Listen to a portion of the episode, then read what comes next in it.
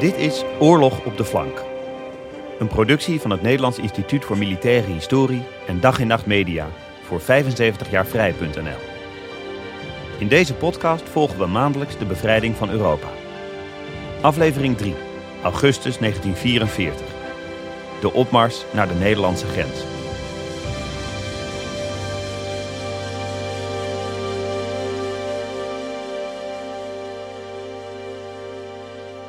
Bijna tastbaar was begin augustus 1944 de opluchting bij het geallieerde opperbevel. Eindelijk, twee maanden na de landingen van D-Day, was het gelukt uit Normandië te breken. Voorbij was de nachtmerrie. De nachtmerrie dat de invasie van West-Europa zou vastlopen in een bloedige loopgravenoorlog. Nu stroomde er een golf van optimisme door de geallieerde rangen. De verovering van de rest van Frankrijk lag binnen bereik en van België en wie weet van Nederland. Deze aflevering gaat over de uitbraak uit Normandië en over de strijd in de daaropvolgende weken die de geallieerden bracht tot aan de zuidgrens van Nederland. Met speciale aandacht voor het aandeel van Nederlandse militairen.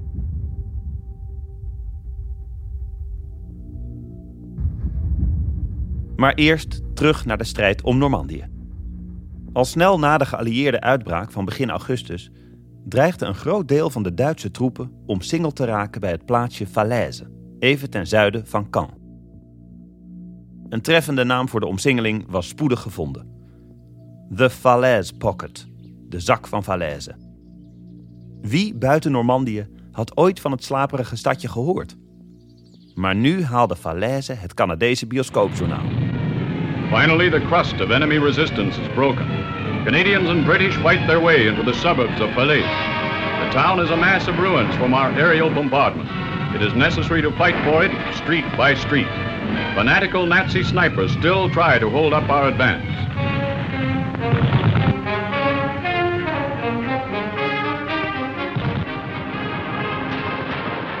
Toch ontsnapten uiteindelijk nog zo'n 40.000 Duitsers naar het oosten richting de rivier de Seine. Maar met niet veel meer dan 62 tanks en 26 stuks geschut. Voor de Duitsers was de terugtocht uit Normandië een hel. Constante bombardementen door geallieerde vliegtuigen, beschietingen door artillerie en tanks. Een Duitse korporaal van de tweede panzerdivisie herinnerde zich de paniek. We dachten maar aan één ding: wegwezen hier, wegwezen, wegwezen. De geallieerde achtervolging was fel. Ook Nederlandse militairen droegen een steentje bij. Begin augustus was de Koninklijke Nederlandse Brigade Prinses Irene aan land gekomen. Bij het Normandische plaatsje Courseulles-sur-Mer. Ruim 1200 man sterk. De Irene-brigade was de belangrijkste Nederlandse eenheid binnen de geallieerde rangen. Niet dat de Amerikanen en Britten erg veel belang hechten aan kleine bondgenoten als Nederland. De Irene-brigade moest vooral een symbolische rol spelen. Straks, als Nederland werd bevrijd, zou de brigade Den Haag binnenrijden en Amsterdam. Tot die tijd hielden de geallieerden de brigade in de luwte. Eerst maar eens ervaring opdoen. Een geallieerde instructie wond er geen doekjes om. De troepen van onze kleine bondgenoten moeten in de stillere sectoren van het front worden gebruikt. Voor deelname aan grote offensieve operaties zijn ze nog niet geschikt. Dat was duidelijke taal. Hoeveel Nederlandse troepen leverden eigenlijk een bijdrage aan de strijd in West-Europa? Om te beginnen, heel omvangrijk kon die bijdrage natuurlijk niet zijn. In de zomer van 1940 ontsnapten ongeveer 1300 Nederlandse militairen en burgers naar Groot-Brittannië. Daar kwamen later nog eens zo'n 1700 zogenoemde Engelandvaarders bij. In 1941 werd de Irene-brigade opgericht als onderdeel van het Britse leger. De Nederlandse regering in ballingschap ging vanuit Londen op zoek naar extra manschappen. Dus werd de dienstplicht ingevoerd voor alle Nederlandse mannen van 18 tot 42 jaar die buiten bezet gebied woonden. De opkomst was bedroevend laag. Niet meer dan 1700 man. Daarvan was een flink percentage ook nog eens ongeschikt. En zo kampte de Irene-brigade voortdurend met tekorten. Een volwaardige brigade van een paar duizend man werd het nooit. Met zo'n 1300 man was de belangrijkste Nederlandse eenheid eigenlijk niet meer dan een uitgebreid bataljon. Hoe verging het de Irene-brigade in Frankrijk? Haar eerste bestemming was een boomgaard bij het dorpje Bréville in Charente, ten zuiden van Normandië. De sector had als bijnaam Hellfire Corner. Een iets wat ironische naam. Het gebied stond namelijk grotendeels onder water. Met veel rottend fruit, kadavers van paarden en ontelbaar veel wespen en muggen. Een soldaat schreef: Ik drenkte het camouflagenet van mijn helm in de benzine om zo de muggen op afstand te houden. Radeloos werd je daarvan. Radiojournalist Robert Kiek ging langs bij de brigade. En hier is tenslotte een sergeant van de medische dienst, die, zoals hij het zelf noemt, eh, door het oog van de naald is gekropen. Hij zal u zelf zijn avontuur en zijn ontsnapping vertellen. Sergeant van den Bos. Hier sergeant van den Bos. Het valt altijd niet even hard mee. Ik wil u zeggen dat je eens meer geluk moet hebben. Bijvoorbeeld één keer, terwijl de die dingen nogal kort bij kwamen, zaten wij in de hulppost en de dokter die stond op de trap. Juist toen we iets aan hoorden komen, vloog hij binnen. En het ding viel juist bij de hulppost. Ik had geluk dat ik mijn jasje niet aan had, omdat er een flinke shell doorheen gegaan was. Nou, je moet maar boven. Zo kalm was de frontsector dus ook weer niet. Op 14 augustus sneuvelde de eerste Ireneman bij een artilleriebeschieting. Lang hoefde de Irene-brigade niet te wachten op haar eerste echte offensieve actie. Eind augustus 1944 kregen de Nederlanders opdracht zo snel mogelijk de brug bij het dorpje Pont de Mer in te nemen. Een paar kilometer ten zuiden van de rivier de Seine. Een belangrijke brug, want deze bood een vluchtweg voor de Duitsers die aan de hel van Falaise ontsnapt waren. Samen met een Belgische brigade moesten de Irenemannen de Duitsers de pas afsnijden. Dat was het plan. Een van de pelotonscommandanten vertelt wat hij aantrof. De Duitsers hadden de brug opgeblazen en in de stad werd hier en daar nog geschoten. Enkele malen kregen wij te maken met achtergebleven Duitse soldaten, die zich na korte schermutselingen direct overgaven. Al snel had de Irene-brigade heel Ponto de Mer in handen. Het strijdverloop bij Ponto de Mer was eigenlijk wel typerend voor het hele front in de tweede helft van augustus. Overal in Noord-Frankrijk waren de Duitsers op de terugtocht. Hier en daar boden ze weerstand, soms met de moed der wanhoop, maar meestal halfslachtig. En voortdurend hielden Duitse soldaten het luchtruim in de gaten. Want elk moment konden de geallieerde vliegtuigen opduiken. Met daarin misschien wel een Nederlandse bemanning. Want ook bij de Royal Air Force was er sprake van Nederlandse inbreng. Onder andere bij de twee Dutch squadrons, het 320 Squadron en het 322 Squadron. Het 322 Squadron vloog met de befaamde Spitfire jachtvliegtuigen. Ze haalden ruim 100 V1 vliegende bommen neer. Eén manier om dat te doen was om naast de V1 te gaan vliegen en dan met de vleugel van de Spitfire de vleugel van de V1 aan te tikken, het zogenoemde wingtippen. Zo moest de onbemande V1 uit balans worden gebracht en neerstorten. Een spectaculair, maar gevaarlijk karwei. Want in de neus van de V1 zat 1000 kilo aan explosieven. Meerdere Nederlandse vliegers verloren zo het leven. Ook bij andere geallieerde squadrons vlogen Nederlandse militairen. Het strijdverloop zorgde echter voor een lastig dilemma. Steeds vaker stond het eigen vaderland op de doelenlijst. Half augustus bijvoorbeeld werd er een grote aanval op Nederlandse vliegvelden gepland. Gilserijen, Volkel, Eindhoven, Soesterberg en Delen. Met hun Halifax bommenwerpers moesten vliegers Marinus Bierens de Haan en Kees Goemans het vliegveld Eindhoven aanvallen. Vooral Kees Goemans maakte zich ernstig zorgen. Een van zijn boordschutters herinnerde zich. Kees maakte onze bommenrichter ondubbelzinnig duidelijk dat hem de meest verschrikkelijke dingen zouden overkomen als de bommen op bewoond gebied zouden vallen. Een idioot in een ander vliegtuig liet zijn bommen recht boven Eindhoven los. Je had de reactie van Kees moeten horen. Maar over ons hoefde Kees zich geen zorgen te maken. Onze bommen raakten het vliegveld vol.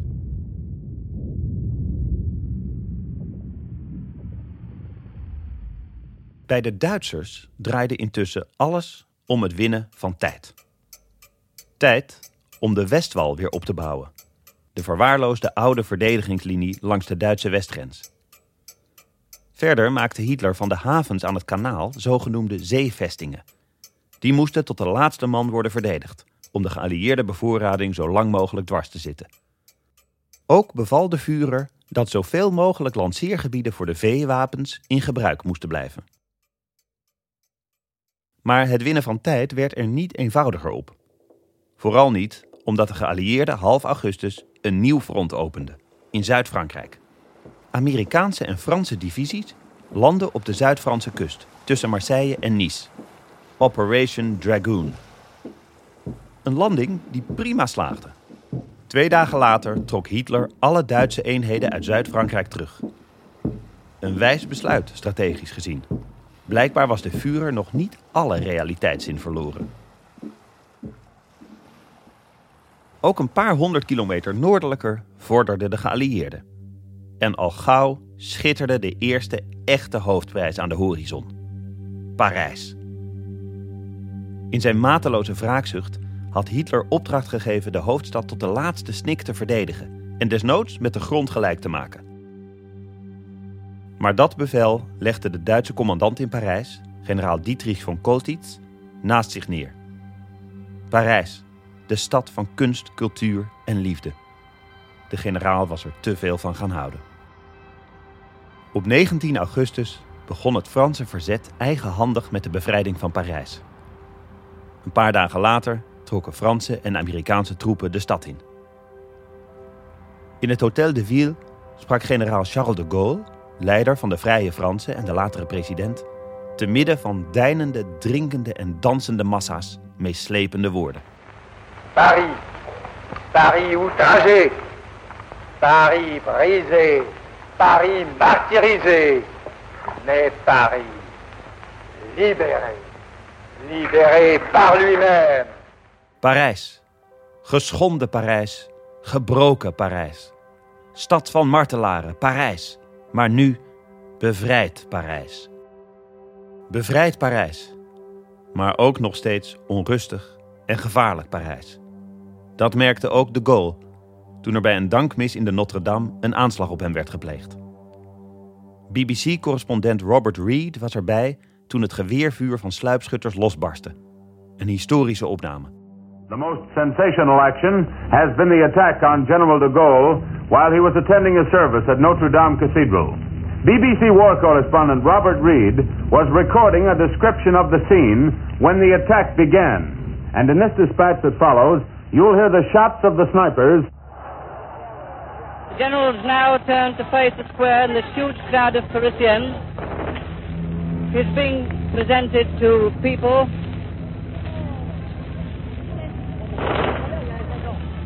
He's being received. It's being received.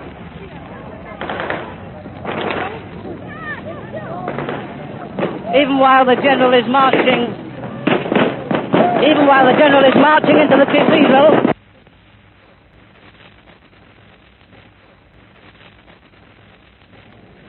Well, that was one of the most dramatic scenes I've ever seen. Just as General de Gaulle was about to enter the Cathedral of Notre Dame, firing started all over the place.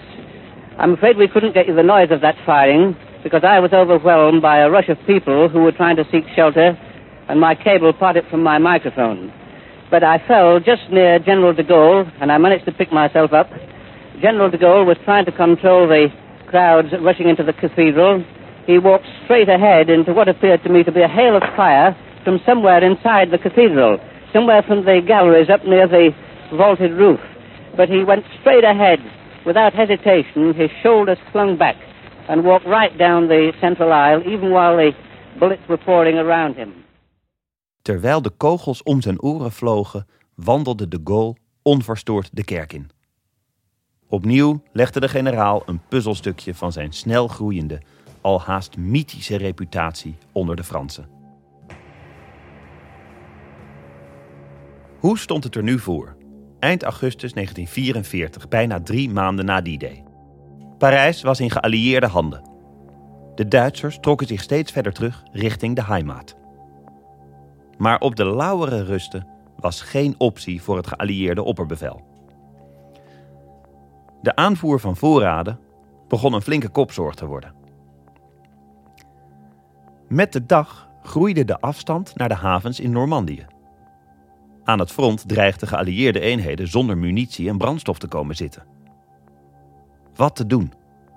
Eerst meer havens veroveren en de bevoorrading een steviger basis geven? Dat zou tijd kosten. Of toch de gok wagen en in één ruk doortrekken, de Duitsers op de hielen blijven zitten en dan de genadeklap uitdelen. Een tegenvaller was in elk geval dat de Duitsers zich betrekkelijk ongeschonden over de Seine hadden teruggetrokken. Het klinkt raar, maar de geallieerden begonnen meer en meer het slachtoffer van hun eigen succes te worden. Soms rukten de eenheden in de spits wel 50 tot 100 kilometer per dag op. Zelfs het bombarderen van wegen en spoorlijnen in de buurt van het front werd stopgezet. Want dat zou toch maar averechts uitpakken. Binnen een paar dagen zouden de oprukkende geallieerde troepen die wegen en spoorlijnen immers zelf hard nodig hebben. Er werd koortsachtig geïmproviseerd. Fameus was de Red Ball Express om de goederen aan het front te krijgen. 6000 trucks reden gemiddeld 20 uur per dag. Chauffeurs stopten alleen om te tanken, te lossen of voor dringende reparaties. Begin september was er geen ontkennen meer aan. De bevoorrading kon het tempo van de geallieerde opmars niet meer bijhouden. En dan moest naast alle militaire inspanningen ook nog eens de burgerbevolking in de bevrijde gebieden worden gevoed. Het kantelpunt was bereikt. Op 2 september stonden Amerikaanse tanks op de heuvels onder Doornik, aan de Frans-Belgische grens, niet ver van Rijssel. Nog één kilometer en de Amerikaanse tanks zouden als eerste België zijn binnengereden. Maar dat gebeurde niet. De brandstof was op. Een dag later waren het de Britse tanks die een eindje verderop alsnog de grens passeerden en Brussel bereikten. Jubelend deed het Britse bioscoopjournaal verslag van de bevrijding van de Belgische hoofdstad. And so it went on until we came to Brussels itself, and there our welcome was wildest of all. There'd been Germans in the streets only an hour before, and not a flag had been in sight. Welcome to our liberators. Welcome to our allies. Through Brussels to Berlin, they said. Through Belgium to victory. Their main trouble was not dealing with the Germans, but getting through the crowds who thronged the roadsides every mile from the frontier to Brussels. Cheering, laughing, shouting people with wild delight in their voices and tears of joy in their eyes. En slechts één dag later, op 4 september, was het al de beurt aan Antwerpen. Pakweg 30 kilometer van de grens met Nederland. Al snel deden hier dan ook de wildste geruchten de ronde. De Tommies komen eraan. Vanuit Londen stookte premier Gerbrandy de geestdrift nog wat verder op. Vast onbedoeld, maar toch. Gerbrandy zette zich op maandagavond 4 september achter de microfoon van Radio Oranje. Landgenoten, nu de geallieerde legers in hun onweerstaanbare opmars de Nederlandse grens overschreden hebben, wil ik uit naam van u allen onze bondgenoten een hartelijk welkom toeroepen op onze vaderlandse bodem. Het uur der bevrijding heeft geslagen. Opwindende woorden. Het uur der bevrijding was gekomen. De premier had het toch zelf gezegd. Een zekere massahysterie brandde los in bezet Nederland. In menig dorp en stad stond men de volgende dag de bevrijders op te wachten. Soms afwachtend, maar meestal uitgelaten. Als een lopend vuurtje gingen de geruchten rond. Met de minuut werden ze specifieker. De geallieerden zouden tussen 4 en 5 uur die middag Amsterdam binnenrijden. In Rotterdam dezelfde verwachtingsvolle taferelen. Een Rotterdammer schreef: De gehele middag hebben mijn vrouw en ik bij het raam staan wachten op de geallieerden. Overtuigd dat de bevrijding die dag, desnoods avonds, zou komen. In die avond dronken wij met de buurman een fles oranjebitter, die hij speciaal voor de bevrijding had bewaard. Ondertussen vluchtten duizenden NSB'ers hals over kop naar Duitsland. Paniek in de ogen. Een ooggetuige in Brabant schreef: Het was een zielige stoet. Moeders ineengedoken met schreiende kinderen op schoot en in de haast bijeengeraapte kleren en beddengoed. NSB'ers zelf begeleidden de stoet met de revolvers in de hand, in het wilde weg schietend. Maar de bevrijding bleef uit. En de vurige hoop doofde snel. Er zou nog lang en hard worden gevochten voordat heel Nederland van de Duitse bezetting was verlost. Alleen de satirische propagandakrant De Gil zag de humor van de hele toestand in en doopte de 5 september melig om tot Dolle Dinsdag. Wat ging er dan mis begin september? We zagen al dat Brussel op 3 september in geallieerde handen viel. En een dag later Antwerpen. So far so good. Goed nieuws was ook dat de grote Antwerpse haven nauwelijks schade had opgelopen. Alleen kon die haven voorlopig nog niet worden gebruikt. De Duitsers in Zeeland blokkeerden de Westerschelde, de toegangspoort tot de haven van Antwerpen. Om die Westerschelde moest nog wekenlang zwaar strijd worden geleverd. Maar daarover in latere afleveringen meer. Intussen was ook de Irene-brigade vanuit Normandië naar het noorden opgerukt. Met de legergroep van veldmaarschalk Montgomery, om precies te zijn. Op 6 september kregen de Irene-mannen een feestelijk onthaal in Brussel en Leuven. Een Irene-man herinnerde zich... Bakken met tomaten en fruit werden ons toegeworpen. In Leuven was het nog erger. We konden haast niet door de dromme mensen heen komen. En verder ging het. Naar het dorpje Sint-Joris-Wingen. Maar daar werd de kolonne onder vuur genomen door Duitse tanks. Uiteindelijk vielen er drie doden te betreuren en veertien gewonden. De volgende dag reed de brigade door naar het Albertkanaal bij het Belgische grensplaatsje Beringen, even onder Eindhoven. Het lukte de Britten en Nederlanders over het kanaal te komen. Maar hier stuitten ze op felle Duitse tegenaanvallen. Aan Duitse kant, bij de SS, vochten natuurlijk ook Nederlanders mee. Sommigen werden krijgsgevangen gemaakt. Jan Wienekes, officier bij de Irene-brigade, vertelt daarover... Het duurde niet lang voor de eerste verraders werden binnengebracht. We like to go to Canada, zeiden ze. Ze hadden niet in de gaten dat we Hollanders waren. Ik werd zeikend nijdig en schreeuwde... Naar Canada? Zijn jullie besodemieterd? Jullie gaan naar een krijgsgevangenkamp. Laat er godsamme op met je slappe gelul. Dat hele bataljon is in elkaar geracht. Iets verderop zaten Russische gevangenen in een kolenmijn, bewaakt door Nederlandse SS'ers. Een ontsnapte Rus waarschuwde dat ze werden afgemaakt. Militairen van de Irene-brigade gingen op onderzoek en liepen een SS'er tegen het lijf. Een Irene-man die erbij was vertelde... Die SS'er zei, niet schieten, ik ben een Hollander. Mooi, dan moet ik jou net hebben. Pang! Begin september daalde het tempo van de tot dan zo snelle geallieerde opmars. Dat had twee hoofdoorzaken. Ten eerste, we noemden het eerder al, zorgde het onverwachte succes van de opmars ervoor dat de bevoorrading dreigde vast te lopen, juist nu de grenzen van Duitsland en Nederland in zicht kwamen. Neem de Duitse stad Aken bijvoorbeeld, vlak over de Zuid-Limburgse grens. Aken kwam op 10 september in de frontlinie te liggen. Dat was zo'n 250 dagen eerder dan gepland. Een Britse official history vatte het probleem mooi samen. De bevoorrading is normaal gesproken de dienaar van de strategie. Maar nu dreigde de bevoorrading de baas over de strategie te worden. Het tweede probleem was dat de Duitse Weermacht zijn zaakjes aan het westfront beter op orde kreeg. De chaotische terugtocht uit Normandië was een gepasseerd station. Goed, over veel meer dan 100 inzetbare tanks beschikten de Duitsers niet meer. Maar het terrein begon in hun voordeel te werken. Het vlakke landschap van Noord-Frankrijk had plaatsgemaakt voor het waterrijke Vlaanderen en de beboste hellingen van de Ardennen. Goed verdedigbaar gebied. En verderop doemden de brede kanalen van de Kempen en de zompige peelmoerassen van Oost-Brabant en Noord-Limburg op uit de mist. Hitler legde zich begin september neer bij het verlies van Frankrijk en België. De Westwal, langs de Duitse grens, zou nu als de laatste westelijke verdedigingslinie van het Derde Rijk gaan dienen. Het was een race tegen de klok om de Westwal geloofwaardig op orde te brengen. Dus improviseerden de Duitsers nieuwe verdedigingslinies. Ook daar waren ze intussen behoorlijk bedreven in geraakt. Een van die nieuwe linies liep van de Scheldemonding via het Albertkanaal naar Zuid-Limburg. Dit was de zogenoemde Brabantstellung. Tot ieders verrassing bleek de Duitse weerstand zich inderdaad te verharden in die eerste week van september. Dit gold echter alleen voor het Westfront.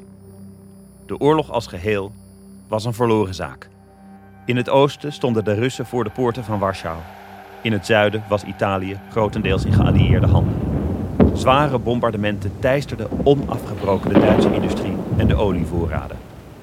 En toch en toch slaagden de Duitsers erin het westelijke front enigszins te stabiliseren. Niet alleen langs de Maas, grofweg bij Metz, maar ook langs het Albertkanaal tot aan Maastricht. Wat dan niet verbaast, is dat in het geallieerde kamp de discussie over de gekozen strategie weer flink oplaaide. De geallieerde opperbevelhebber, generaal Dwight D. Eisenhower, had gekozen voor de opmars over een breed front, van Zeeland tot de Zwitserse grens. Waar de beste kansen lagen, moesten de geallieerde troepen oprukken, systematisch en gestaag, tot de Duitse weerstand zou breken. Maar Eisenhowers belangrijkste commandanten keken daar toch anders tegenaan. Van de logistieke wurggreep wilden ze al te graag af. In de noordelijke sector van het front riep veldmaarschalk Bernard Montgomery om voorrang bij de bevoorrading. Meer naar het zuiden, in de Amerikaanse sectoren, eiste generaal George Patton, zijn twee onafscheidelijke Colt-pistolen met ivoren kolf op de heup, precies hetzelfde. Eind augustus kwam Montgomery met het eerste concrete voorstel. Hij wilde een all-out offensive, een single thrust. Eén krachtige dolksteek dwars door de Duitse linies. Via België en Nederland naar het Roergebied, het industriële hart van Duitsland. Volgens Monty zouden de gedemoraliseerde Duitsers deze gebundelde strijdmacht van zo'n 40 divisies onmogelijk kunnen weerstaan. Aan de spits van de single thrust plaatste de eigenzinnige Montgomery, u raadt het al, zijn eigen Second British Army. En zijn ambities reikten nog verder. Hij keek al voorbij het Roergebied. Want waren de Britten eenmaal over de Rijn, lag dan de hoofdprijs Berlijn niet ook binnen Montgomery's bereik. Te midden van al het geruzie tussen de Britse en Amerikaanse commandanten koos Eisenhower uiteindelijk voor een compromis. Het zwaartepunt zou bij Montgomery's legergroep in het noorden komen te liggen, maar tegelijk kregen de beide Amerikaanse legergroepen het bevel om de Duitsers over de gehele breedte van het front aan te blijven vallen. Een wonderlijk compromis. Immers, de bevoorradingsproblemen zouden er bepaald niet minder door worden. Integendeel. Misschien rekende Eisenhower erop, zoals zoveel van zijn generaals, dat het Duitse verzet in het westen op het punt van breken stond.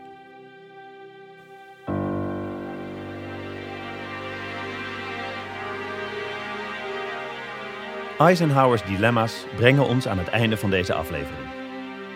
Er lagen nog heel wat belangrijke strategische keuzes in het verschiet. Het was september 1944. De geallieerde troepen hadden Parijs bevrijd, Brussel bevrijd, Antwerpen bevrijd en stonden nu aan de Nederlandse zuidgrens. Eigenlijk nog driekwart jaar eerder dan verwacht, uitgaand van de planning die de geallieerden voor die day hadden opgesteld. De Nederlandse Irene-brigade was tot over het Albertkanaal geraakt, maar de Duitsers waren bezig zich in te graven. Montgomery had toestemming gekregen om te proberen door de Duitse linies te breken. Maar hoe zou zijn opmars verlopen? Zou zijn operatie, die bekend werd als Market Garden, een succes worden? En zou de bevrijding van Zuid-Nederland net zo soepel verlopen als die van België? Luister voor de antwoorden naar aflevering 4 van Oorlog op de flank.